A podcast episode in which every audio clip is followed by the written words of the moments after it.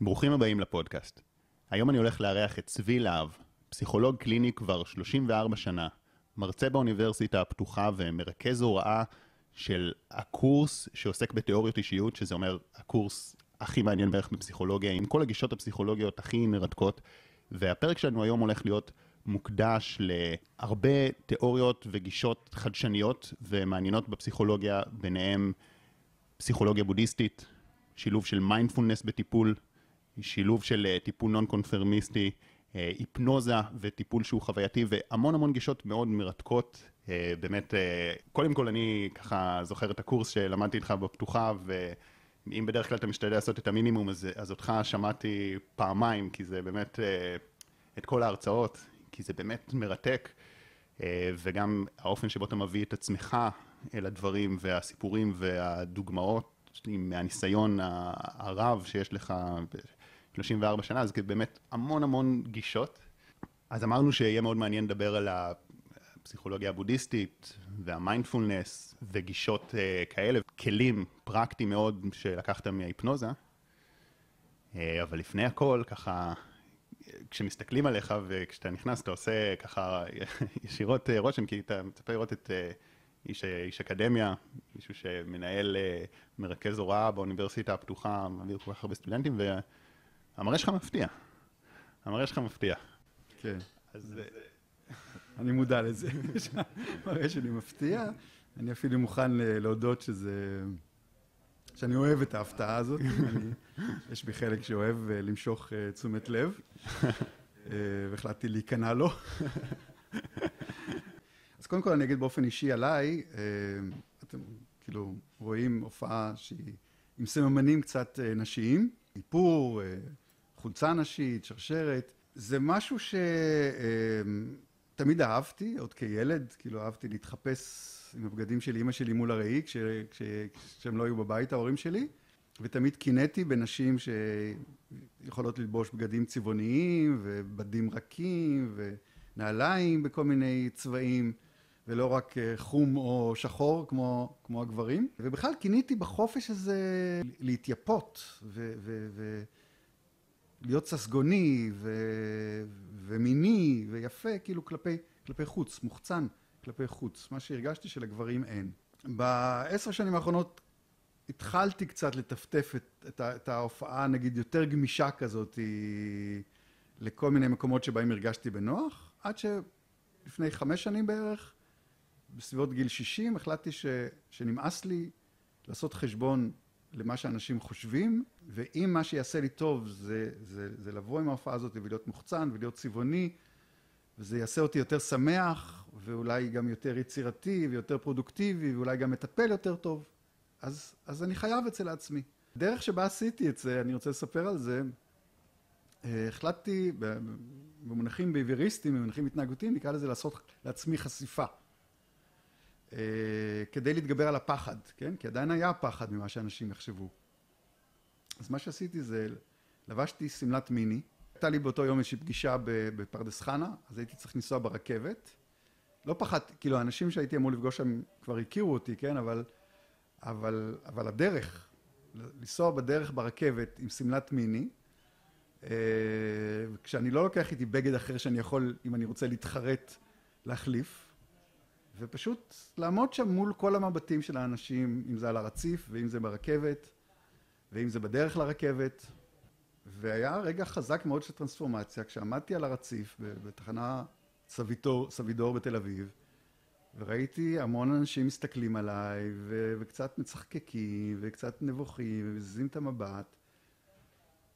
ובאותו רגע הבנתי שהמחשבות של אנשים לא יכולות לפצוע אותי. ו- ופשוט זה שחרר אותי. אתה חושב שהנושא הזה של הלבוש זה משהו שהוא באמת אה, עד כדי כך מהותי עבורך, או שזה יותר משהו סמלי לעוד דברים בחיים להשתחרר מהפחד של מה חושבים? אה, זה גם וגם. זה קודם כל תחושה של חופש. אה, אם זו תחושה של חופש באמת להיות צבעוני, להביא את עצמי בכל צבע שאני, שאני רוצה. זאת אומרת, זה, זה, זה עזר לך להביא את עצמך יותר גם במקומות שהם מעבר ללבוש? זאת אומרת, היה פה משהו סמלי ש... כן. לך יותר? אני חושב שמי שהיה יכול לעשות את ההבדל, היה, היה רואה שיש משהו הרבה יותר אה, זורם והרבה יותר אה, יצירתי, ספונטני, בצורת ההוראה שלי, מאשר פעם. אין ספק, הנה אני אפילו פתחתי עם זה שלמדתי איתך לפני כמה שנים, ו... ואין ספק שברגע הראשון, אני לא זוכר אם אז עוד לא היית, עם, לדעתי, עם הלבוש שלמדתי, אבל, אבל כבר כן היית שונה מאוד בגישה, וברגע הראשון אמרתי, מה, איזה, איזה מוזר זה, ואז אמרתי, וואי, איזה כיף זה, שעכשיו זה לא הולך להיות קורס משעמם, אלא קורס שמביא משהו מהחיים עצמם, אה, וזה באמת היה הקורס הכי מעניין. איך באמת קיבלו את זה, את השינוי הסטודנטים והצוות באוניברסיטה? בכל שיעור ראשון אני מציג את עצמי לסטודנטים, אני אומר משהו עליי, על ההכשרה שלי, ואני גם אומר משהו על, ה, על הלבוש, ואני גם מזמין אותם שאם מישהו, זה מביך אותו, או קשה לו עם זה, אז ש, שיכתוב לי, ש, שנדבר על זה. עד היום אף אחד לא, לא, לא כתב לי, להפך, מה שאני מקבל זה המון המון מכתבים מסטודנטים ש, ש, שמודים לי שאני מקור השראה בשבילם, שהם, ולאו דווקא בענייני לבוש, כן, כמובן, אבל אלא מבחינת ה... ה שהם שמים, שמים לב כמה הם מגבילים את עצמם אה, בחיים שלהם בגלל החשש, בגלל הלא נעים לי. אנחנו חיים עם ה... זה לא נעים לי, לא נעים לי, לא נעים לי... יצאתי מחנות ושכחתי לשאול משהו. לא נעים לי לחזור לחנות ולשאול עוד פעם. אני מטריד את המוכר. אה, אני נורא צריך לעשות פיפי, אני הולך ברחוב, יש שם הרבה מסעדות, אני יכול להיכנס ולבקש רשות להשתמש בשירותים. אבל, אבל אני לא אבקש כי לא נעים לי. כן, ברור שאנחנו חייבים להתחשב גם באחרים, בייחוד באנשים שהם קרובים עלינו, וקודם כל כמובן אנחנו לא רוצים לפגוע באחרים אף פעם. אבל חלק גדול מהלא נעים לא קשור בכלל לפגיעה באף אחד. זה, זה מין משהו בחינוך שלנו, של קודם כל לשים לב שהשני בסדר, ורק אחר כך כאילו להסתכל על עצמי. איפה אתה חושב שזה מגביל אנשים בצורה שהיא יותר דרמטית, יותר משמעותית מ... בסדר, אוקיי, אז מישהו קצת לא נעים לו, לא נורא. אתה חושב שזה מגביל אנשים מעבר, בחלומות שלהם, בדברים הגדולים?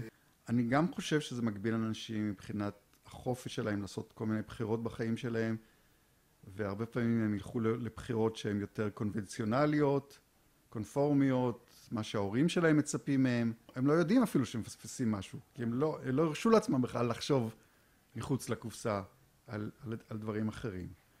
אבל מעבר לזה, אני חושב, רוב האנשים, רוב הזמן נורא שמורים. כן? אתה, אתה, מישהו סיפר לי על איזה, על איזה קומיקאי השבוע, שתמיד אומר שכששואלים אותו מה, שלום, מה שלמה, אז הוא לא יודע אם זה נכון להגיד מדוכא או מדוכא, אז הוא אומר טוב מאוד. אז זה מה שאנחנו עושים בדרך כלל, שואלים אותנו מה שלומנו, אנחנו אומרים בסדר, מה שלומך, ובסדר, ובזה סיימנו את האינטראקציה, כי, כי מה עכשיו נתחיל כאילו באמת לספר למישהו? כמובן שיש יחסים קרובים שבהם אנחנו כן באמת מספרים, אבל עם רוב האנשים זה נורא מוגבל. אה, שלא לדבר על זה שמגע, מגע פיזי, כן, אה, הוא נחשב למשהו נורא אינטימי שעושים איתו רק עם אנשים מאוד מאוד קרובים אליך. אה, והרבה אנשים יש להם צורך במגע. הם היו נהנים אם היו נותנים להם מגע, הם היו נהנים לתת, לקבל מגע. הם לא, הם לא מרשים לעצמם, כי יש איזו נורמה כזאת שאתה לא יכול להרשות לעצמך דברים כאלה בסביבה. ובתור מישהו ש-34 שנה פסיכולוג קליני ועוד לפני זה הרבה שנים של לימודים, אה, שעוסק הרבה גם בכל, בנפש ובמנגנונים וגם בהתפתחות, מה אתה חושב גורם לאנשים להיות ככה כל כך לפחד ממה יחשבו עליהם וכל כך, כל הזמן הלא נעים לי הזה וממש עד, ש, עד כדי כך שהם גם מקבלים בחירות שהן לא נכונות להם ולא באמת מהאינטואיציה ומהאותנטיות שלהם ומשנים את כל מסלול החיים שלהם בגלל הפחד של מה יחשבו. מה, מה בעצם גורם לאנשים להיות ככה? קארל רוג'רס יש לו תיאוריה מאוד פשוטה. למרות שהיא מאוד פשוטה, אני מאוד אוהב אותה. כי באמת מאוד מאמינה באדם. ומאוד מתקשרת לי גם לחוויות אישיות שלי. אז הוא אומר דבר כזה, אנחנו בעצם נולדים עם כוח אחד שדוחף אותנו קדימה, וזה הכוח שהוא קורא לו נטייה להגשמה. כן? רצון נטייה פנימית, ביולוגית, לנסות לממש כמה שיותר מהפוטנציאלים המולדים שלנו. כאילו מגיל אפס אנחנו בעצם לומדים שאנחנו תלויים בסביבה וש, ו, ושאנחנו צריכים לקבל, ושאנחנו זקוקים ליחס חיובי מהסביבה בעצם. זקוקים לאהבה מהסביבה, זקוקים לה, ל, ל, להערכה חיובית מהסביבה. ודי מהר אה, אנחנו יכולים למצוא ששני הצרכים האלה אה, מתנגשים אחד בשני, כן? יש לי עכשיו תינוק בן חצי שנה בבית. ברור שהרבה יותר קל לי כשהוא שקט ורגוע, אה, ואם אני משכיב אותו לישון אז הוא הולך ישר לישון, והרבה יותר קשה לי כשהוא, כשהוא עצבני ועייף ונודניק ו, ואני לא מצליח להשכיב אותו לישון. האם אני יכול לשדר לו באיזושהי דרך שאני אוהב אותו, אה, שאני לא אוהב אותו פחות כאשר הוא נודניק, אה, כאשר הוא מתלונן, כי אם אני בצורה עקבית אעביר לו את המסר, אה, ah, עכשיו אתה ילד טוב כשאתה שקט, ועכשיו אתה ילד רע, ואני כועס עליך ואני עצבני עליך, אז, אז זה, זה יופנם המסר הזה, שכש, כש, שאם הוא מתלונן, אז הוא, אה, אז לא אוהבים אותו. ואז צריך לעשות איזושהי בחירה פנימית כזאת.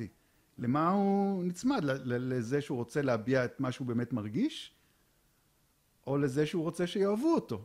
ואם הוא בוחר באיזשהו אופן, כן, כמובן הכל בחירות לא מודרות, ברצון שיאהבו אותו ושימשיכו לתת לו יחס טוב, אז הוא צריך באיזשהו מקום בפנים להדחיק או להכחיש את, את מה שלא היה לו נעים. הרצון שלו, שבא גם עם נטייה להגשמה, זה להישאר ער כדי להספיק לראות כמה שיותר דברים בעולם. אני דורש ממנו לוותר על זה, כי אני אומר לו, לא, עכשיו אתה צריך לישון. אה, האם הוא יוותר על זה בלי התנגדות? כי זה לא בסדר להתנגד, או שהוא, או שהוא ישמור על ההתנגדות. זאת אומרת, אז, אז אם באמת, לא התינוק שלך, אבל אה, מישהו מסוים חווה בילדות שלו הרבה ביקורות, ושהוא לא עמד בציפיות, ושהוא קיבל הערכה כשהוא היה ילד טוב, אבל לא קיבל הערכה כשהוא היה אה, במרכאות ילד רע. כן. איך זה משפיע? זה יכול להשפיע בכל מיני צורות. אחת הדרכים זה שאנחנו מאבדים, אותו אדם יאבד קשר עם, ה, עם הנטייה המקורית שלו להגשמה, יאבד קשר עם הרצונות שלו, הוא כבר לא כל כך ידע מה הוא רוצה, הוא ידע מה רוצים ממנו, ו, ו, וינסה להתאים את החיים שלו כדי לעשות את מה שרוצים ממנו.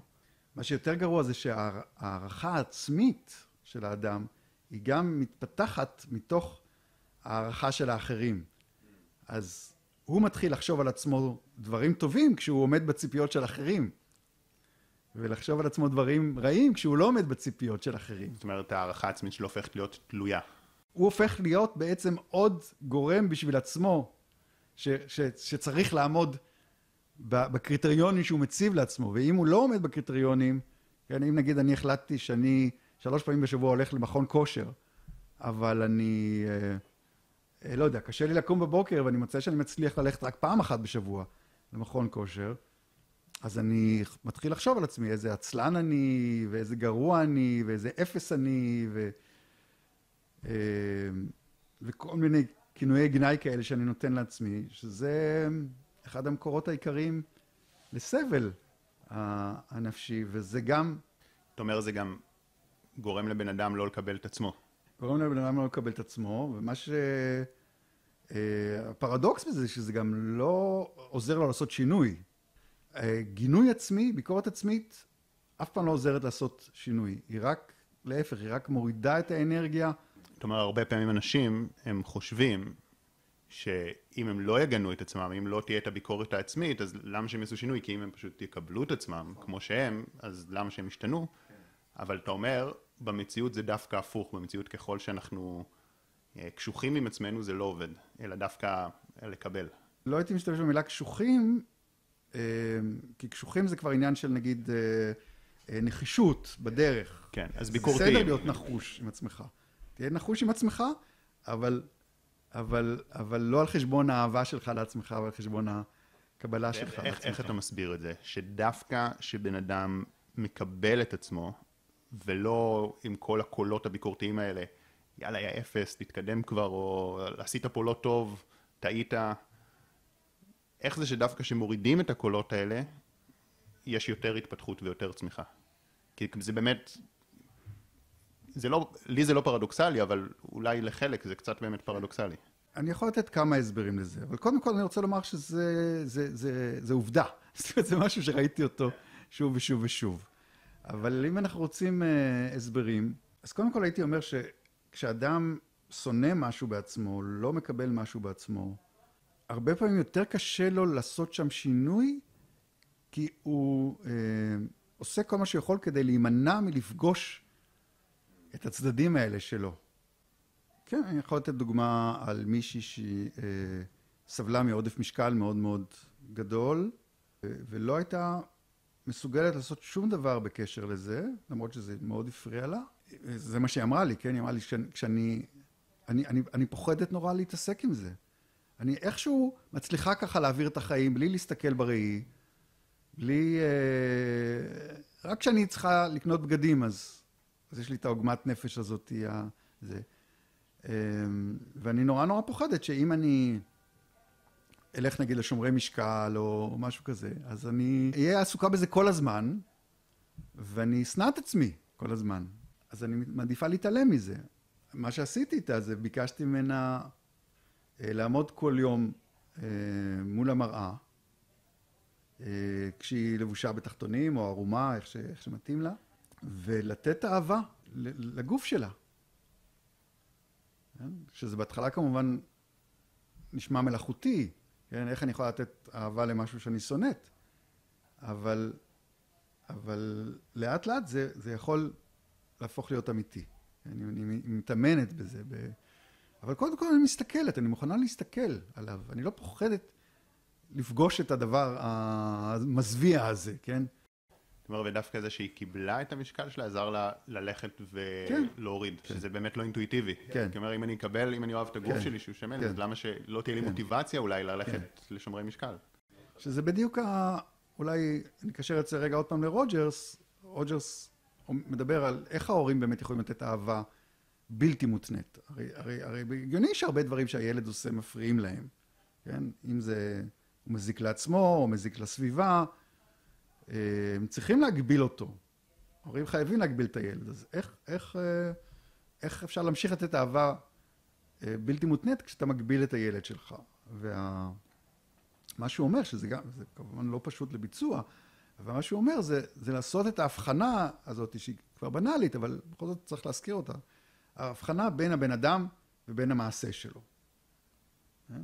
כאילו, אנחנו צריכים לעצור את ההתנהגות שלך, אבל אבל הרצון שעומד מאחורי ההתנהגות, או הרגש שעומד מאחורי ההתנהגות, אנחנו מקבלים אותו. כן? אתה, אתה, אתה נורא כועס עכשיו, אתה נורא מתוסכל, אנחנו כאילו מבינים, אבל אתה, אתה, אתה לא יכול עכשיו להרביץ לאחותך. אנחנו לא נרשה לך להרביץ לאחותך.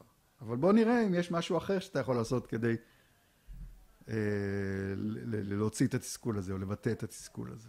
ובעצם אמרת שגם אתה, אנשים יכולים להשיג את ה-34 שנה פסיכולוג קליני, אז אה, אה, זה כבר לא גיל בדרך כלל שאנשים מביאים תינוק חדש, ואמרת שבאמת מאוד התלבטת על זה, כן. ושזה היה לך התלבטות לא קלה, כן.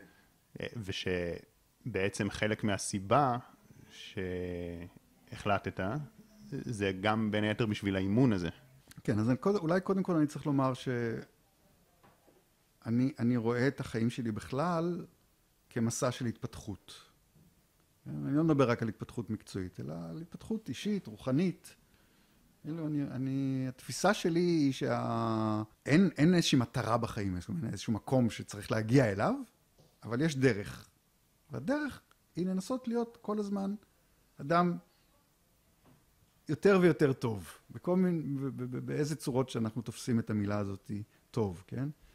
אה, אפשר לומר, אה, להביא בצורה הכי מלאה שאני יכול את המתנה שלי לעולם, את היכולות, את מה שאני יכול לתרום לעולם, אה, לממש בצורה הכי מלאה את כל הצבעים ואת כל הצדדים שקיימים בי. כן, אני מאמין שככל שבני אדם ירשו לעצמם להביא את כל הצדדים שלהם, ככה אנחנו נהיה בעולם יותר, יותר מאושר. אמ, אז כחלק מה, מההתפתחות האישית שלי, הרגשתי שאני אה, בשלב בחיים שלי שבו אני רוצה יותר להתחבר לחוויה של, של, של, אה, של אהבה בלתי מותנית. כן? של, של באמת כאילו להתאהב, כן, להתאהב בילד שלי ולהרגיש שזה לא משנה מה הוא עושה, אני אוהב אותו. שאני יכול לתת לו את האהבה הזאת ואת ההרגשה הזאת ש, שזה לא משנה מה הוא עושה, אוהבים אותו. זה היה מבחינתי הימור מאוד גדול להביא ילד לעולם בגילי, יש לי ארבעה ילדים גדולים, אז לא שהיו חסרים לי ילדים, וידעתי שאני אצטרך לוותר על הרבה דברים שאני אוהב לעשות בזמן הפנוי שלי, יהיה לי הרבה הרבה פחות זמן פנוי, ואכן יש לי הרבה הרבה פחות זמן פנוי, אבל uh, אני כל הזמן מזכיר לעצמי ש... אוקיי, אני מוותר על כל מיני סדנאות שיכולתי לעשות בכל מיני מקומות, אבל זאת הסדנה האמיתית שלי, זאת הסדנה של החיים שלי עכשיו, כן? ההתפתחות הרוחנית והאישית היא בחיים עצמם, כן. במערכות יחסים. כן, ולא שאני מזלזל בסדנאות, סדנאות זה דבר מאוד מאוד חשוב. לגמרי, כי, כן. כי זה, זה, זה כל הזמן השילוב הזה, כן. מה שנקרא גם לתרגל על הכרית, כן. כשאתה יושב אה, מדיטציה, אבל בסוף התרגול הוא בחיים עצמם. כדי להיות מסוגלים לתרגל בחיים עצמם, אנחנו צריכים רגע לעצור ו... להקשיב לפודקאסט ולתרגל את המדיטציה וללכת לסדנה, וזה השילוב הזה. אז באמת, אה, דיברנו גם על זה שאתה עברת דרך בפסיכולוגיה, התחלת כמו רבים מבני דורך בפסיכואנליזה, מאוד... אה, כן, טיפול דינמי, מה שנקרא. כן, כן. ועם הזמן, שוב, באמת התגלגלת למקומות אה, של CBT גם, ואחר כך והיפנוזה, וטיפול משפחתי, ו... והתייחסותית, וגם הפסיכולוגיה הבודהיסטית והמיינדפולנס, ואולי גם נגיע לזה גם פסיכולוגיה טרנס-פרסונלית, נראה ככה בזמן שלנו. אז נשמח שאולי תספר קצת על זה, קודם כל, הייתי רוצה שיותר נרחיב על הפסיכולוגיה הבודהיסטית באמת, אבל מה הייתה החוויה שלך בפסיכואנליזה שגרמה לך להתקדם הלאה ולחפש עוד גישות ועוד תשובות? השנים של ההתמחות שלי כן, שהיו משנת 87 עד שנת 90. היו שנים באמת שהייתי, עבדתי במכון פסיכואנליטי, גישה מאוד מאוד אה, פסיכואנליטית אדוקה, נגיד ככה. והייתה לי שם אה, אה, מדריכה ש, שכבר לא בחיים, רינה בר-לב, הייתה פסיכואנליטיקאית מדהימה, בן אדם מדהים. ו... ובעצם דרכה פעם ראשונה שממש כאילו אה, התחברתי ברמה החווייתית למושג הזה של הלא מודע. כן? שלמדתי עליו קודם בתואר ראשון ובתואר שני, אבל... ואנשים יכולים לצטט את זה ולהבין שכן, קיים לא מודע בחיים שלנו, אבל, אה, אבל פתאום לראות אותו נוכח כאן, כן? אה, פתאום כאילו, החוויית ההה הזאת, כן, שפתאום חלקים של הפאזל מתחברים ואתה מבין למה עשית משהו מסוים, כי פתאום הוא מתחבר אסוציאטיבית לאיזשהו משהו ש, שקודם בכלל לא חשבת שהוא קשור אליו. שם זה היה לי מאוד חזק, כן? פתאום באמת לחוות את זה שמעבר לתודעה הרגילה שלנו, יש איזשהו זרם תת-קרקעי, כן? היום אני חי את זה ש... אה, התודעה הרגילה שלנו, שאנחנו מייחסים לה המון חשיבות, ובדרך כלל זה כאילו מי שאנחנו קוראים לו אני, כן? זה כבר קצת אני זורק רמז לבודהיזם, אה, אבל, אבל זה כל כך חלק קטן מהתמונה, כן? ישנו הלא מודע שלנו, ולא רק הלא מודע הפרוידיאני שמדבר על כל האינסטינקטים שלנו ששואפים אה, לביטוי בכל מיני, לקבל סיפוק בכל מיני צורות, אלא הלא מודע שהוא בכלל, אפשר לומר, חוכמה שצברנו במהלך החיים שלנו. המון המון התנסויות, המון המון חוויות, שאנחנו לא זוכרים אותן במודע, גם כי הקיבולת של המודע שלנו היא מוגבלת, וגם אה, לפעמים הם היו ממש תת ציפיות, כי הם עברו בלי ששמנו לב אליהם, או לא, לא נתנו להם יותר מדי חשיבות. ו... וזה המון המון ניסיון מצטבר, שלא לדבר על חוויות אה, ילדות, כן, מלפני גיל חמש, שבכלל אנחנו לא זוכרים, זוכרים מעט מאוד מהגיל הזה, כן, אז המון המון דברים הצטברו לנו במחסן הזה של הלא מודע, ו... ואנחנו כאילו לא משתמשים בהם, אם אנחנו לא, הם, הם משפיעים עלינו, אבל אנחנו לא יודעים להשתמש בהם בצורה מודעת. מעניין, אז, כי, כי בדרך כלל בפסיכואנליזה אנחנו עושים את החקירה הזאת לא בהכרח כדי ללמוד להשתמש בהם, אלא כדי להשתחרר מהם. כן. כי זה מנהל אותנו בצורות דווקא לא הכי טובות, אז אתה אומר זה גם ללמוד להשתמש בהם. גם ללמוד להשתמש בהם, כן. כן. כן. אני יכול אה, לספר כאן שבעבודה שלי כמטפל, אה, הרבה פעמים כשאני מרגיש קצת תקוע, או אני מרגיש שאני, המטופל מספר לי משהו, אני מתחיל לחשוב, רגע, אז מה אפשר לעשות עם זה? ואני מוצא שאני מסתבך בתוך המחשבות שלי, אז אני עוצר את עצמי, ואני אומר למטופל, אני, בוא נעצום רגע עיניים, אני עוצם עיניים, ואז, בלי לדעת מה אני הולך להגיד, אני פשוט מתחיל לדבר. ואני סומך על ה, על ה, במובן הזה, על הלא מודע החכם שלי, שידע שהוא יהיה יותר חכם מאשר התודעה המודעת שלי. כן, זה, זה מאוד חזק. כן, אני יכול להגיד ש, שגם כשאני עם אנשים, אז הרבה פעמים אני נותן להם, בואו רגע תעצמו עיניים, ככה, זה הכל המדיטטיבי. קחו איזה נשימה עמוקה, רק פשוט רגע להתחבר פנימה, ואז, ואז שואלת אותם את אותה שאלה שעלתה בשיחה, ופתאום התשובות אחרות. התשובות אחרות לגמרי, כי, כי יש את החיבור הזה לפנימה. אגב, זה, זה דברים שמההיפנוזה יותר ויותר? אמ, כן, האמת שכן. ההיפנוזה עלה כמובן כל העניין של עבודה עם עיניים עצומות, עבודה עם דמיון מודרך, ובכלל, שהמטפל הוא הרבה יותר אקטיבי מאשר מטפל דינמי, שרק מקשיב ונגיד נותן פידבק למטופל, או אמ, פרשנות, או שואל שאלות. פה המטפל אה, הוא... בהיפנוזה, בדמיון מודרך, כל השיטות האלה, המטפל הוא צריך להיות אקטיבי, הוא יוזם את, ה, את ההתנסות, הוא יוזם את החוויה. אז כן, אז קודם כל שמה, וגם באופן ספציפי מאיזושהי שיטת אה, היפנוזה אה, של מישהו בשם רוסי, ארנסט רוסי, ש, שהשיטה שלו היא פשוט, הוא עושה מין פסיכואנליזה כזאת, כן, אבל אה, בעיניים עצומות, והוא פשוט מבקש המטופל בעיניים עצומות, והוא פשוט מבקש מהמטופל להתחיל לשתף בכל מה שעובר לו בתודעה, גם אם זה נראה לא רלוונטי או לא, או לא, או לא רלוונטי. אז משם כאילו זה התחיל. אז אני יכול לומר בקצרה שמה שלקחתי מזה זה להבין את כוחו של הלא מודע גם לטוב וגם לרע, כן? להבין שזה, להיות צנוע מהבחינה הזאת של להבין שהתודעה שלי הרגילה היא רק חלק מאוד קטן ממה שמתרחש בתוך בתוך הנפש שלי. אז גם יש שם המון התניות שאולי אני לא מעוניין בהן ושאני הייתי שמח להשתחרר מהן, המון פחדים שהייתי שמח להשתחרר מהם, ומצד שני יש שם גם המון חוכמה שכדאי לנסות להיעזר בה. זה, זה, זה אה, דבר אחד שלקחתי מפסיכואנליזה. לקחתי אולי גם מהפסיכואנליזה את הכבוד לפרטים הקטנים. את העניין של, של הנה עכשיו אנחנו יושבים פה ביחד, כאילו נגיד סיטואציה טיפולית, ולכל דבר יש חשיבות.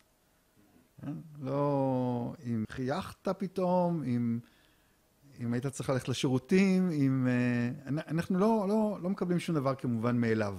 זאת אומרת, אתה, אתה מאוד מסתכל על שפת גוף של בן אדם בהקשר לקונטקסט מסוים. אם כשהוא עכשיו שאלת אותו על אבא, ופתאום משהו השתנה בשפת הגוף שלו, כן. אתה אומר, מה, למה זה השתנה, משהו כזה, פחות או יותר? כן, אני מציע לו שבוא נתבונן, יכול להיות שלא נמצא שם כלום. אני שם לב שאנחנו מדברים על זה, אתה עושה, אתה מדבר יותר עם הידיים. בוא, בוא, בוא נהיה שם רגע, בוא, בוא, תמשיך לעשות בכוונה עם הידיים, ובוא נראה מה, איזה מין תחושה זה מעלה בך כשאתה עושה ככה עם הידיים. אז, אז זה גם כן בפסיכואנליזה. ומצד שני, היה לי מאוד קשה עם הרשות שהפסיכואנליזה לוקחת לעצמה להיות לגמרי לגמרי לא פרקטית. זאת אומרת, כאילו, אדם בא עם בעיה לטיפול, ואז אומרים לו, אה, תשמע, כדי לטפל בבעיה, זאת אומרת, הבעיה שלך היא לא באמת חשובה, גם אם היא גורמת לך הרבה סבל. אנחנו מציעים לך לעשות overhaul לכל האישיות שלך, שאתה תהיה בן אדם הרבה יותר בריא, הרבה יותר עשיר, אז זה. על הדרך גם הבעיה הזאת כנראה תעבור. כן? ואז בוא תיכנס עכשיו לתהליך של שלוש, ארבע, חמש שנים של טיפול, אולי אפילו מספר פעמים בשבוע, וכן, יכול להיות שבאמת, זאת אומרת, אני מכיר אנשים שהתהליך הזה עשה להם טוב בחיים, אבל לא, קודם כל, לא כולם יכולים להרשות אצל עצמם, וב', כאילו, מה, מה עם הסבל שקורה בינתיים? וגם נזקים שקורים בינתיים. למעשה, עוד לפני שהתחלתי את ההתמחות שלי, גישה שמאוד משכה אותי ושבעקבותיה הלכתי גם ללמוד איזושהי שנה באיטליה, היא גישה שלקוחה מהטיפול המשפחתי ושנקראת אה, טיפול אסטרטגי, שאומרת כאילו להתמקד בבעיה שאיתה בא המטופל ולנסות לראות מהם הדרכים שבהם הוא ניסה להתמודד עם הבעיה הזאת. הגישה הזאת בעצם מניחה שברוב המקרים בעיות גדולות נוצרות כתוצאה מניסיונות לא מוצלחים לפתור בעיות קטנות, כן? אם אני אתן אה, דוגמה למשל, ילד ש... ש... שנגיד הוא לא ממושמע, ואז ההורים שלו אה, חושבים שהם צריכים להיות יותר תקיפים איתו ונותנים לו עונשים חמורים, ואז הוא נהיה נורא מתוסכל ומפתח שנאה אל ההורים ו... ורק רוצה למרוד בהם, ואז הם, הם מבינים שהם כנראה לא היו מספיק קשים איתו והם צריכים לתת לו עונשים עוד יותר קשים ואז הוא בכלל מפתח בעיית התנהגות ואולי נהיה עבריין. אתה מספר לי את זה, זה, זה כמעט יורדות לי דמעות, זה, אתה יודע על כמה זה קל לצאת מהמסלול, כי אתה יודע, אני חושב על עצמי, באמת הייתי מאוד בדרך לשם, זאת אומרת, הייתי ילד מאוד בעייתי, בגלל, מתוך איזה חוסר ביטחון, מתוך איזה מקום ש... אתה יודע, מאוד לא הייתי מחובר לעצמי, ל, לרגשות שלי, והייתי מאוד ביישן. כי הבריחה שלי הייתה ללכת ולעשות בעיות בבית ספר, כזה נתן לי איזה אישור חברתי, איזה כמה רגעים מתוקים ביום כזה מאוד כואב, אז היה איזה קמצוץ. אף אחד אז לא ידע, יש לי הורים מאוד מאוד טובים ומאוד אה, אכפתיים ומאוד גם דאגו לי, אבל כאילו זה היה הדרך של איך מרסנים את הילד. ואז כזה, זה, זה היה ממש הידרדר והידרדר והידרדר. שהגיע למצב מאוד לא טוב, ובסוף ההורים שלי כן שינו גישה, ובגלל זה, אני חושב, כאילו, אני חייב להם הרבה תודה, זאת אומרת, כי הם שינו את הגישה, ואני חושב שזה מאוד עזר לי. אבל אתה יודע, כאילו פתאום דמיינתי את זה, כמה בקלות זה היה יכול ללכת, היה, היה שם איזה רגע ש, שהיה איזה שינוי כיוון, אבל כמה בקלות הייתי יכול לסיים במקום אחר, ואני פתאום חושב על כמה אנשים לא מימשו את הפוטנציאל שלהם והגיעו למקומות מאוד גרועים בגלל שלא ידעו לטפל בבעיות קטנות. שזה כואב כזה. ו... אגב, אתה חושב שהדבר הזה נכון גם בן אדם מול עצמו? אה, שאלה מעניינת. אה, כן, אני חושב שכן. אני חושב שכן. גם, גם למשל בהתמודדות עם בעיות של משמעת עצמית, כן? אנשים ש...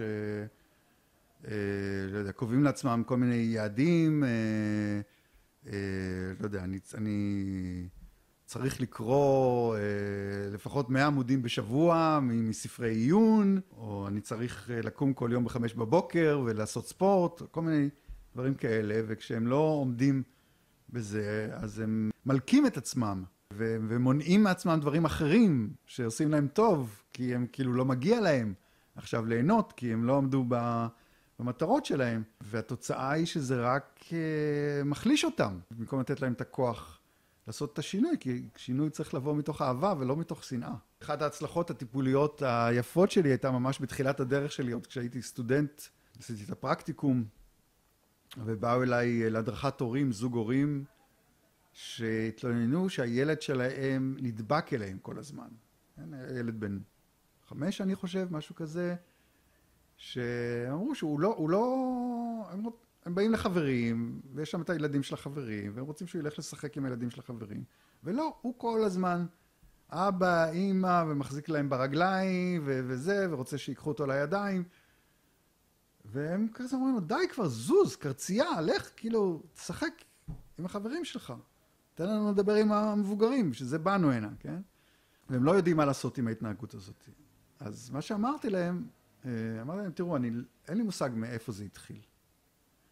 אבל אה, מה שדי ברור לי זה שככל שאתם דוחים אותו יותר, ככה הוא צריך להיצמד אליכם יותר. דווקא בגלל שאתם דוחים אותו, הוא חייב להיצמד אליכם. אז בואו ננסה את הגישה ההפוכה. כאילו, עד היום זה לא עבד לכם, שאמרתם לו, לך כבר תשחק ודי, ו... בואו ננסה את הגישה ההפוכה. תעודדו אותו לשבת עליכם, תגידו לו שאתם אם הוא רוצה ללכת לשחק, לא, לא, תישאר עוד קצת, נורא כיף לנו שאתה פה. תשחקו אותה, אפילו שזה לא מה שאתם מרגישים באמת. ממש כאילו, בכל הזדמנות, תרים אותו לידיים, תחבקו אותו. זה ממש תוך שבועיים שלושה היה שם שינוי, זה היה, זה היה מדהים. שינוי ש... שהילד הפך להיות הרבה יותר עצמאי, ואנשים שלא ידעו בכלל שהם הולך לטיפול, כאילו אמרו להם, מה קרה לילד, כאילו. אני חושב שאתה יודע, הרבה פעמים זה במערכות יחסים ככה, שאנשים באופן כללי אין להם צורך באמת אה, להיות אה, כזה תלותיים וזה, אבל מתי הם נהיים תלותיים? כשהם מרגישים את החוסר ביטחון. בבן אדם השני, ואז אם אנחנו מרגישים שמישהו תלותי בנו ופשוט נותנים לו את הביטחון, ש- שאנחנו איתו, אז הוא, הוא, הוא יהיה לו קל לשחרר, כן. הרבה פעמים, באמת, הפחד שלנו, שלא רוצים אותנו, אה, הופך להיות נבואה שמגשימה את עצמה. וואו, כל כך נכון. אתה יכול להסביר את זה אגב? ניתן דוגמה ממישהי שהתחילה לצאת עם איזשהו גבר, ואחרי איזה פעמיים שהם נפגשו, היא שלחה לו, אה, הוא לא, הוא לא, עברו כמה ימים שהוא לא התקשר, אז היא שלחה לו הודעה שהיא מתגעגעת, ואז הוא לא, הוא לא, הוא לא ענה לה על זה, ואז היא שלחה לו אחרי כמה ימים עוד הודעה, טוב, אני מבינה שאתה לא מעוניין. אמר לה דווקא כן, הציע לה שידברו, ו, ו, ובשיחה אה, היא שתפה אותו על זה ש... איך אתה לא מגיב, וזה, ואני לא רוצה מישהו שאין לו רגשות, או שפוחד להביע רגשות. אמנם אני לא דורשת ממך מחויבות, אבל, אבל אני כן צריכה להרגיש שיש לך איזה רגש אליי. אמר לה, טוב, טוב, טוב, טוב, בסדר, אני לא רוצה לפגוע בך, בואי נשחרר. זה, זה כל כך כל כך נפוץ, ה... שמתוך הפחד הזה של לא להיפגע ושלא יעזבו אותנו וזה, פתאום יוצא איזה חלק אחר, וככה נבואה שמגשימה את עצמה, הרס עצמי. טוב, אז אפשר באמת לדבר על הנושא הזה של טיפול משפחתי כל כך הרבה, זה מרתק. אבל אמרנו שנגיע גם לפסיכולוגיה הבודהיסטית ולהיפנוזה, אז אה, אם יש עוד משהו שגם בא לך להגיד על מה קיבלת מההיפנוזה, ו... אה, מההיפנוזה קיבלתי אה, כמה וכמה דברים. אחד, זה באמת את ה... ללמוד להיות אקטיבי כמטפל, זאת אומרת, ליצור חוויה בתוך החדר. אה, רוב המטפלים, מה שנקרא מטפלים הדינמיים, אה, מסתפקים ב- בלדבר על הדברים. אה, לדבר על מה שקורה מחוץ לחדר הטיפולים בעצם, כן? לנתח, להציע פתרונות. אני מאמין שחלק גדול מהשינוי נובע מזה שהמטופל יכול לחוות איזושהי חוויה אחרת ממה שהוא חווה בדרך כלל בתוך החדר. שהתפקיד שלי זה גם כמובן לדבר על מה שקורה בחוץ, אבל גם לנסות בתוך החדר ליצור איזושהי, איזושהי חוויה. מטופל שלי שמדבר איתי על החשש הגדול שלו מכישלונות. נגיד בעניין של אה, להתחיל עם בחורה, ואם היא תדחה אותו, אז הוא נורא פוחד, אז הוא, אז הוא לא מתחיל, כי הוא, כי הוא נורא פוחד שהיא תדחה אותו והוא ירגיש חוויה של כישלון, והוא נזכר שגם כילד הוא לא היה מסוגל להפסיד במשחקים. הוא לא היה משחק רק כדי לא, לא להפסיד. אז אה, אמרתי לו, בוא נשחק. לקחת, כאילו בוא נעשה את המשחק הזה שלוקחים ידיים וצריך כאילו עם, ה, עם האגודל, להוריד את האגודל של השני, בוא נשחק. לא כי אני יודע עכשיו מה יצא מזה, אבל בוא, בוא נחווה את זה כאן, עכשיו. מה קורה לך כשאתה מפסיד, או מה קורה כשאתה נורא רוצה לנצח? אתה אומר כי, כי באמת בפסיכואנליזה... בוא נראה אם אפשר לעשות את זה אחרת אולי. אתה אומר להביא את זה לרמה חווייתית, כי הרבה פעמים כן. אנחנו יכולים אה, לקחת ולדבר על הפחד שלו מכישלון וההימנעות מכישלון, או עם אה, אותה בחורה שהיא תלותית, אז על, ה, על מערכת היחסים המוקדמת עם ההורים ועם האקס הראשון, ואז היא מאוד מבינה את זה, היא מאוד מבינה איך הקשר הראשון שבגדו בה, או הקשר עם ההורים שלא היו רגישים, זה גרם לה עכשיו להיות, אה, לפחד להיפגע ולכן להיות תלותית, אז היא יכולה להבין את זה, אבל אתה אומר, זה עוד לא משתחרר. ו- ואתה אומר, זה לא רק לדבר על הדברים, אלא זה להכניס אותה לאיזו חוויה שככה שתהיה, משהו משתחרר. שתהיה אולי אחרת. כן. זאת אומרת, זה גם איזו חוויה מתקנת כזאת? או שעצם החוויה מחדש, אתה אומר, היא עושה... לא, אני קודם כל, אני לא מדבר פה על שחזור של החוויה, כן? לא שיר, לא, זה לא כן. שחזור של הטראומה או, או משהו כזה, כן? אני מדבר על לתת לאדם הרגשה שהוא חווה משהו שהוא שונה מה, מה, מההתנהלות הרגילה שלו ביום-יום. כאילו פתאום נפתח לו איזה, איזשהו פוטנציאל אחר. כן, לאו דווקא זאת אומרת, זה יכול להיות גם חוויה מתקנת, אבל קודם כל אני אומר חוויה חדשה. כן. גם, משהו אומרת, שהוא שונה. שהוא גם מעבר לדיבור, בהיפנוזה זה עצם, ה, כן, עצם המ- המצב התודעתי, שהוא יותר אה, כן. טראנס כזה, כן. אבל זה גם, כמו שאתה אומר, בעצם השתמשת גם בפסיכודרמה, אני משתמש גם בפסיכודרמה. זאת אומרת, הרבה פעמים אנחנו עושים סימולציות בחדר, כן? כאילו, נגיד מישהו מספר על ריב שהיה לו עם אשתו, אז אני יכול לעשות איתו, וכאילו יש לו המון המון טענות אליה, והיא אף פעם לא מקשיבה לי, והיא תמיד ככה, והיא תמיד ככה, והיא תמיד ככה, אני אומר לו, בוא, אז בוא נשחק את זה עכשיו. אתה תהיה בתפקיד של אשתך, אני אהיה בתפקיד שלך, ובוא נראה אם אני מצליח לעשות משהו שמוציא ממך תגובה אחרת. אם הוא פועל אחרת, יכול להיות שסביר להניח שגם היא תפעל אחרת. שיחסי הגומלין הם הרבה יותר משמעותיים מאשר האישיות של כל אדם בפני עצמו.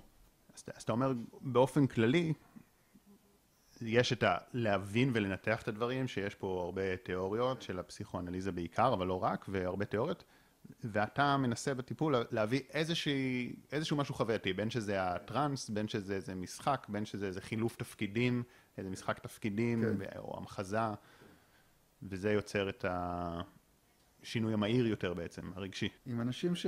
שהם מוכנים לזה, אז אפשר לפעמים גם לעבוד עם מגע או תנועה בחדר. אה, רוב החיים שלי, אני חושב עד גיל 40 בערך, לא נתתי שום חשיבות לגוף שלי. אה, גם לא הייתי טוב בספורט, כשהייתי ילד אף פעם לא שיתפו אותי בכדורגל, כאילו... אה, הייתי חנון כזה. ומבחינתי מה שחשוב זה הראש והגוף. זה רק מכונה שסוחבת את, ה... את הראש. בגיל 40 התחלתי לעשות ספורט, ופתאום התחלתי ליהנות מהגוף שלי. ואחר כך uh, התחלתי לרקוד, ריקוד כ- כאימפרוביזציה, כביטוי עצמי, לא רק ריקוד ב- ב- במסיבות. וגם שם פתאום התחלתי ליהנות מהגוף שלי, ואז באמת גם זה השתלב בלימודים, לימודים ש- שמחברים את הגוף, ושבעצם שוב ושוב אומרים, אנחנו גוף נפש, אנחנו לא, אנחנו לא רק נפש, אנחנו לא רק תודעה, אנחנו גוף נפש, ואנחנו חווים דברים דרך הגוף שלנו. וכשאנחנו מתעלמים מהגוף ורק מנסים כאילו דרך הרגש וההיגיון לעבוד ומתעלמים ממה שקורה לנו בגוף, אז אנחנו מפספסים חלק מאוד גדול. וגם התקשורת שלנו עם אנשים, הנה, אני מדבר איתך, היד שלי זזה. לא, בלי, בלי שאני תכננתי את זה, כן?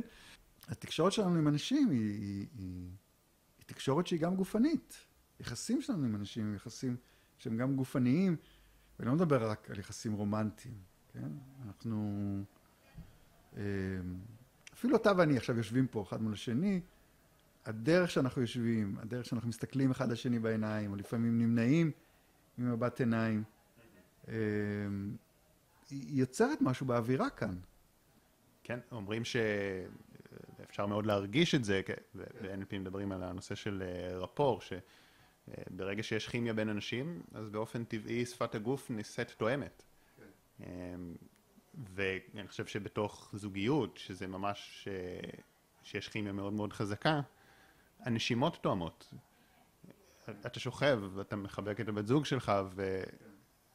וזה נדמה לי, כאילו, את מחקה אותי בנשימות? לא, אבל היא ישנה, היא לא מחקה אותי בנשימות. זה פשוט כבר תואם באופן אוטומטי כשיש חיבור.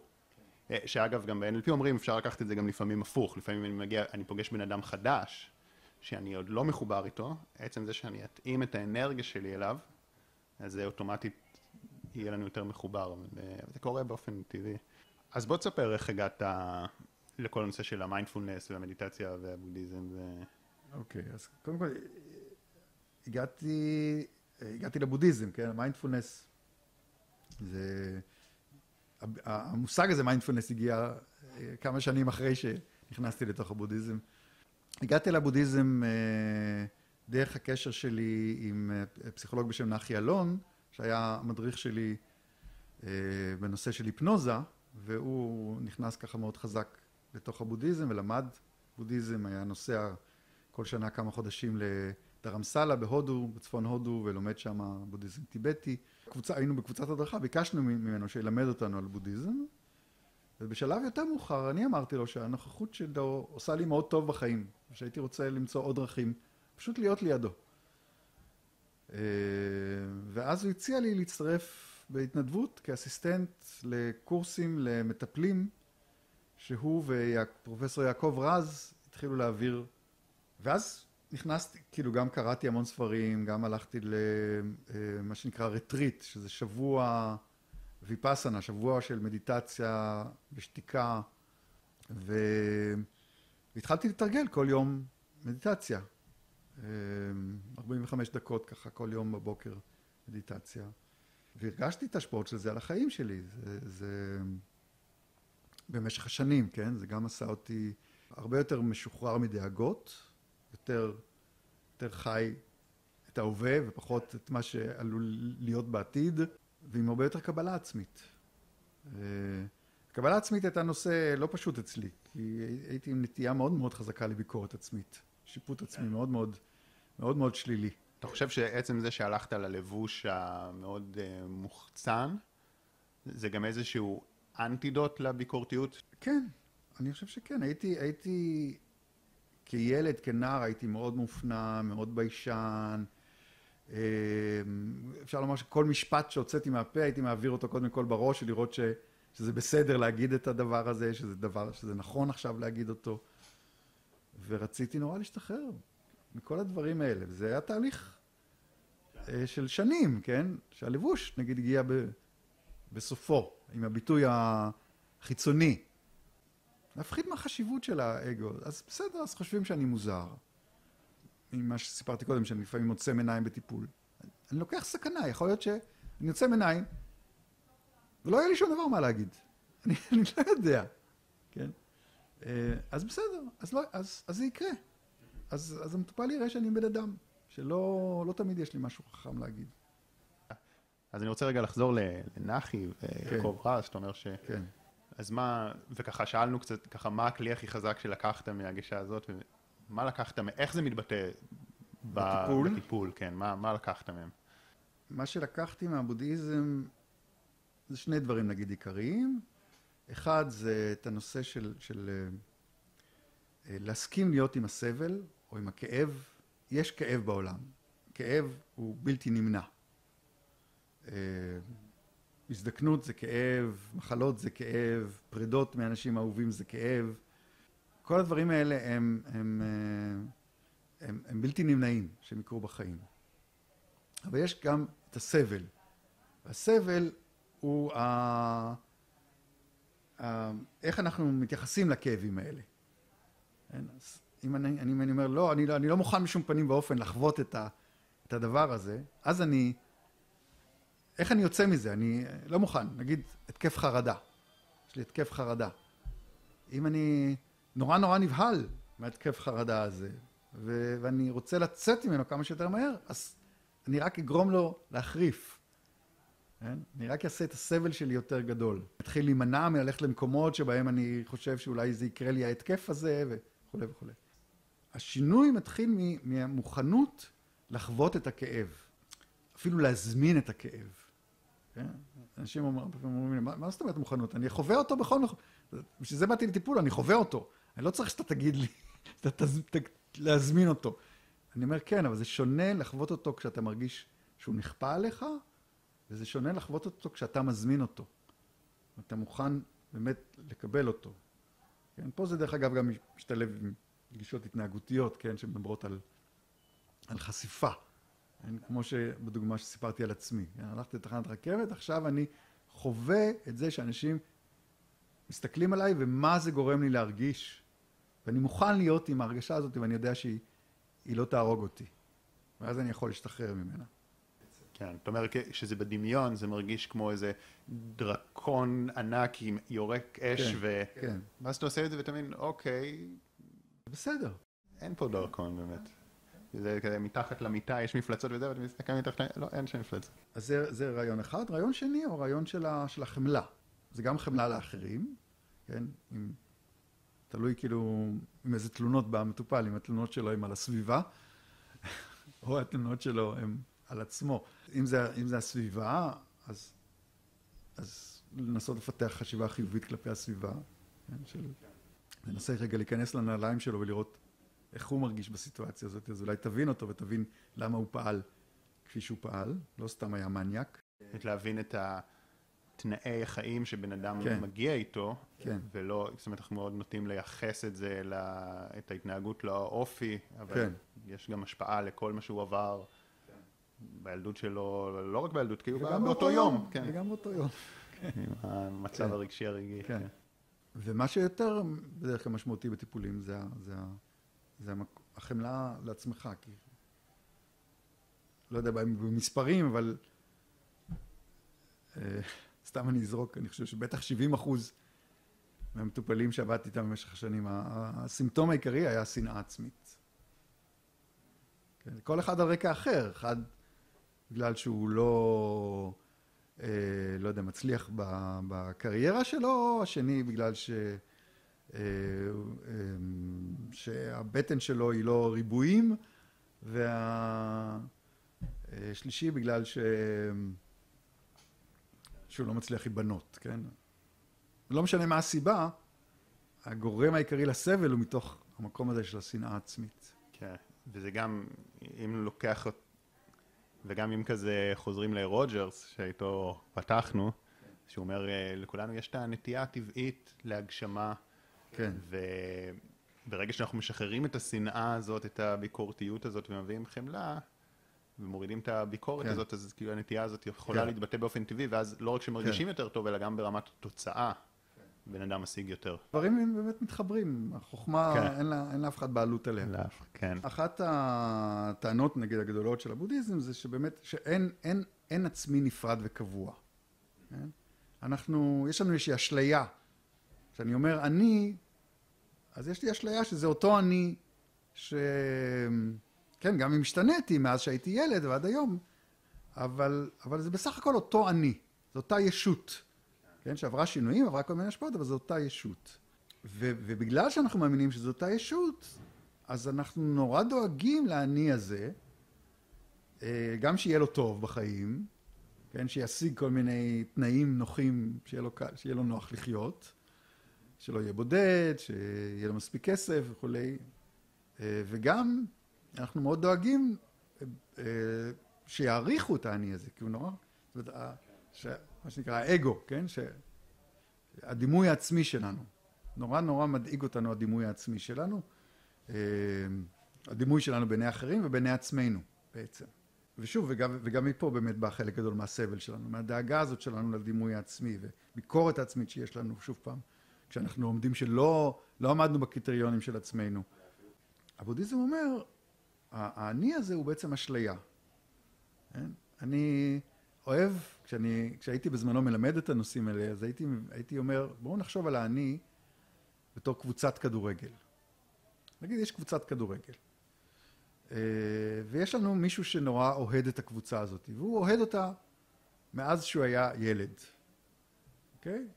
עכשיו, הקבוצה הזאת בינתיים, נגיד אם הוא התחיל לאהוד אותה כשהוא היה בן שמונה, והיום הוא בן חמישים, הוא עדיין אוהד של הקבוצה הזאת, אין בה שום דבר מהקבוצה המקורית. כן? כל השחקנים התחלפו מזמן, מאמנים התחלפו, יכול להיות שאפילו את המגרש שיפצו ו- ו- ואולי הם עכשיו במגרש אחר בכלל. הכל השתנה, אבל עדיין בשבילו, לא יודע, אם הוא אוהד את מכבי נתניה, אז זה בשבילו אותה קבוצה. למה? איך זה יכול להיות שזה בשבילו אותה קבוצה? כי השינויים היו אה, הדרגתיים. זאת אומרת, שחקן אחד עזב ונכנס שחקן אחד חדש. עוד שחקן אחד עזב ונכנס עוד שחקן אחד. זאת אומרת, זה אף פעם לא שפיזרו את כל הקבוצה ושמו קבוצה אחרת במקומה. כי אם היו מפזרים את כל הקבוצה והיו שמים קבוצה אחרת, אז אני אומר, טוב, זה כבר קבוצה אחרת, אני לא, לא אוהד אותה. אבל כיוון שהשינויים, כל פעם היה משהו אחד ירד ומשהו אחר התווסף, אז נוצרת איזושהי תחושה של המשכיות. יש את ההיסטוריה של הקבוצה, את הסיפורים של הקבוצה, שבעצם אה, מלווים אותה. אה, ואז יש איזו מין ישות דמיונית כזאת שקוראים לה מכבי נתניה. כן? והוא, והוא אוהד אותה, אז הוא צריך לדאוג שיהיה לה שם טוב ושלא יגידו לה דברים רעים, בדיוק. וזה בדיוק אותו דבר מה שאנחנו עושים לעצמנו. כן? אנחנו כבר השתננו מזמן, אבל, אבל לא שמנו לב שהשתננו. כן, וואו, מטאפורה חזקה. אני חושב ש... אני בטוח שיש עכשיו מי שמאזינים שאומרים, וואו, המטאפורה הזאת הפילה לי כמה סימונים. אבל אני אומר, אוקיי, פילוסופיה מאוד יפה. כן. אתה אומר, האני הוא איזשהו מושג יותר מאיזשהו דבר אמיתי, כן. הוא איזשהו אה, תווית ומושג שאנחנו שמים על משהו שהוא כן. בכלל מאוד משתנה, ו... כן. אוקיי, הבנתי ברמה הפילוסופית, יפה, כן. אבל למה זה משמעותי? למה, למה זו תובנה שאנחנו רוצים להבין אותה? איפה זה משפיע בחיים שלנו? אז דיברת שההגנה על הדימוי העצמי מביאה הרבה סבל וזה, אז כן. אתה יכול לראות איך כשמישהו מוריד קצת את ה... נקרא לזה אחיזה, או אולי את האמונה הזאת ב... בקיום העצמי של ההגדרה הזאת, של המושג הזה של שחר וצבי, ואיך זה... אני חושב בהמון דרכים. גם באמת ברמה הכי מיידית, אז כל ההתעסקות במה חושבים עליי, אה, בייחוד אצל אנשים שנורא נוטים להיעלב, שהתייחסו אליהם ככה, אמרו להם ככה, או הסתכלו עליהם ככה, או נורא עסוקים בזה, אז זה נורא משחרר, כי את מי העליבו? משהו שהוא לא קיים באמת. נכון, כי תחשוב, אגב, גם אנשים נוטים להיעלב גם כשיורדים על הקבוצה שלהם, או על זה שזה... כן. שזה בכלל באמת לא קיים, זה מושג וזה, ועדיין... כאילו, איפה היא, איפה הקבוצה? רמה אחרת היא שאני חושב שנוצר הרבה יותר אה, חופש בהתנהגות. כן? כי אני, אני, זאת אומרת, יש הרבה תיאוריות שמדברות על, על, על, על, על נטייה לעקביות עצמית. אה, גם רוג'רס דיבר על זה, כן? יש לנו איזשהו, איזשהו צורך להיות עקביים עם מושג העצמי שלנו. זאת אומרת, אם אני רואה את עצמי אה, כאדם מופנם, אז אני צריך להתנהג כל הזמן כאדם מופנם. ובעצם אני מאבד את הגמישות שלי, כי אולי יש סיטואציות שבהן היה לי יותר טוב להתנהג כאדם מוחצן. או גם ההפך, אם אני מוחצן, אז אין לי את החופש להתנהג כ... עכשיו כמופנם. אה, אני רוצה שיהיה, לנו, שיהיה לי את כל החופש, את, את, את החופש להיות מופנם, מוחצן, גבר, אישה, ילד, מבוגר. אני רוצה לשחק. ובשביל זה אני רוצה ש- שהחיים שלי יהיו כמה שיותר משחק. כן. ואתה אומר, המציאות בפועל היא, היא משחק, היא משתנה, היא אין בה משהו קבוע, אבל ההגדרה המנטלית, שאנחנו שמים איזה תווית ומושג ויוצרים איזושהי זהות, היא מאוד מקבעת אותנו והיא גם מנציחה דפוסים. כי אגב, אני מניח שגם בקבוצה כזאת, יש דמיון בין מכבי נתניה של אז להיום, כי בגלל שיש איזה DNA של הקבוצה, אז זה כמו איזה DNA מנטלי גם שלנו, שמשאיר אותנו עם אותו אופי ולא מאפשר כן. לנו את הגמישות הזאת. כן. אה, שלפעמים זה טוב, אבל לפעמים זה גם פוגע במשחקיות. אז כן, כמה שיותר מהחיים שיכול להיות משחק במובן של, של playful, כן? לא, לא פייק, כן? יכול להיות במובן של, של, של לשחק. אז, אה, ולהפתיע את עצמי.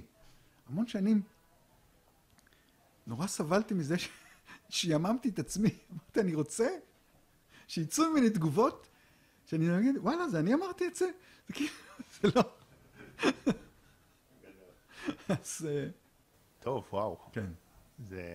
אמרנו, עשינו המון המון דברים, כן, אה? על, על המון המון נושאים, כן. אז ככה נשאר אולי איזה ככה כמה שאלות לסיכום, כזה יותר זריזות. אה, איפה אתה היום מבחינת המסע שלך, או מה, מה היום ההתפתחות שלך?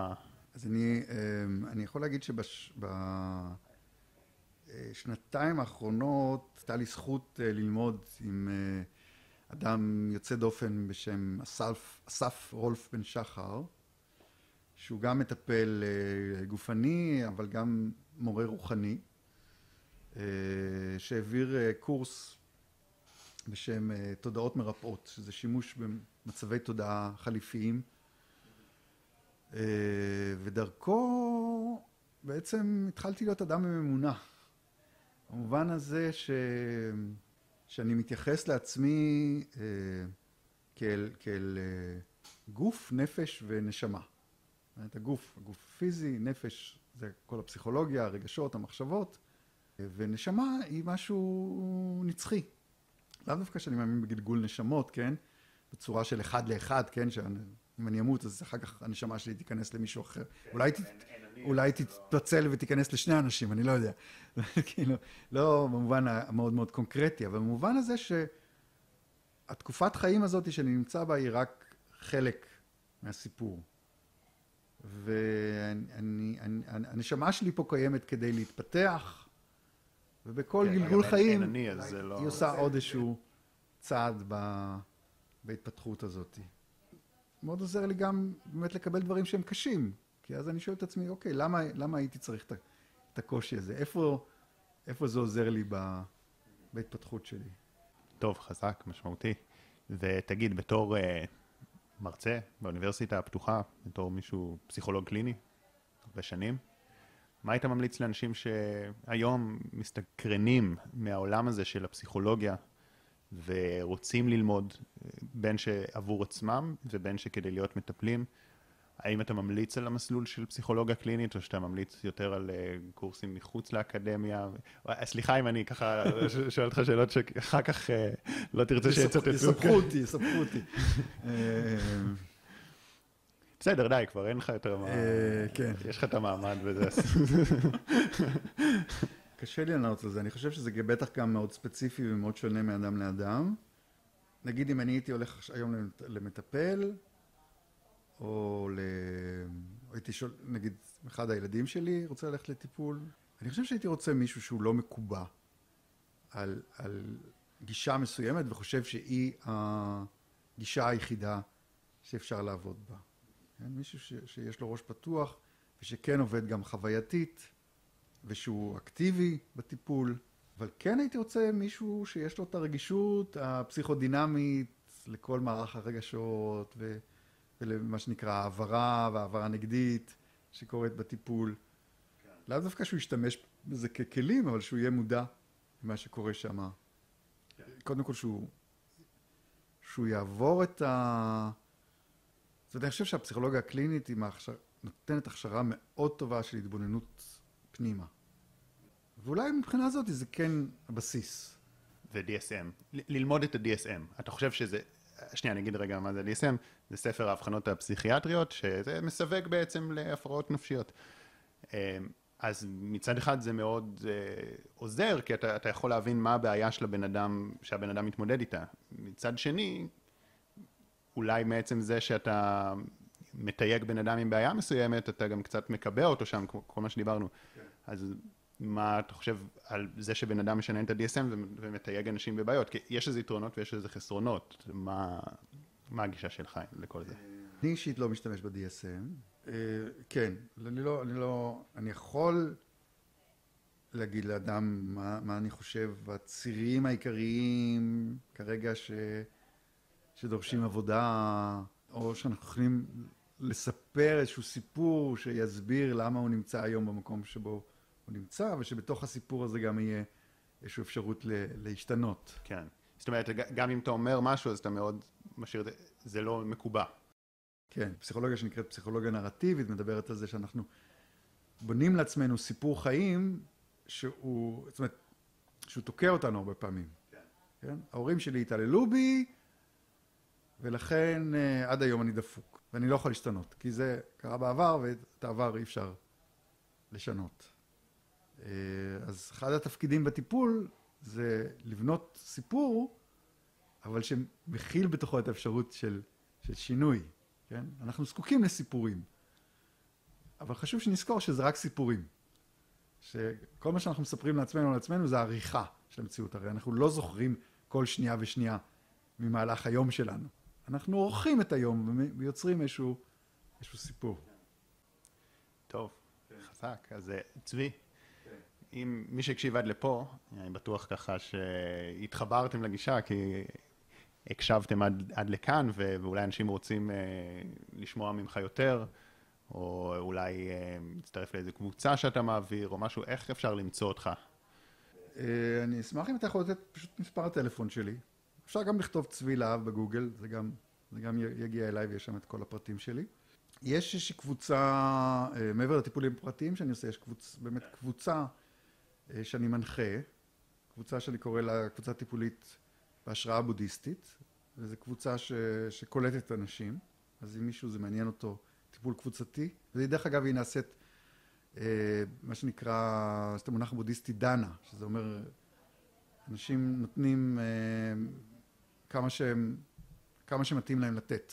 משהו שאני חושב שנותן איזו איכות מעצמי שהיא מאוד שונה מהאיכות שהצגתי כאן, יש איזה קטע ביוטיוב, יש קטע שהייתי פעם באיזושהי קבוצת, אה, קבוצה שעובדת על פרפורמנס, ועשינו ערב סיום לשנה שכל אחד העלה איזשהו קטע. וצילמו את זה ואני הכנסתי את הקטע שלי ליוטיוב, אז יש קטע שנקרא אה, קבלה עצמית טוטאלית, שנוגע הרבה בנושאים שדיברנו עליהם כאן. אני יכול לדמיין, אני, אני ככה, לפי איך שאני קולט אותך, שזה, שזה קבלה עצמית טוטאלית. אז, אה, אז שם אני מציג את זה בצורה חווייתית, כן. לא תיאורטית, ואני אשמח אם, אם תראו את זה. טוב, אז חברים, תודה לכם. אם אהבתם, אז תעקבו, תשתפו, אם אתם חושבים שזה יכול לתרום לעוד אנשים. אה, זה מאוד אה, עוזר גם לי שאתם משתפים את זה, וזה מאפשר לי להשקיע יותר משאבים בפודקאסט, להביא עוד אורחים מעניינים. אז תודה רבה לכם על ההאזנה. תודה רבה, צבי. היה שחר. כיף גדול ולמדתי המון, ואני בטוח שגם המאזינים. ואנחנו נתראה.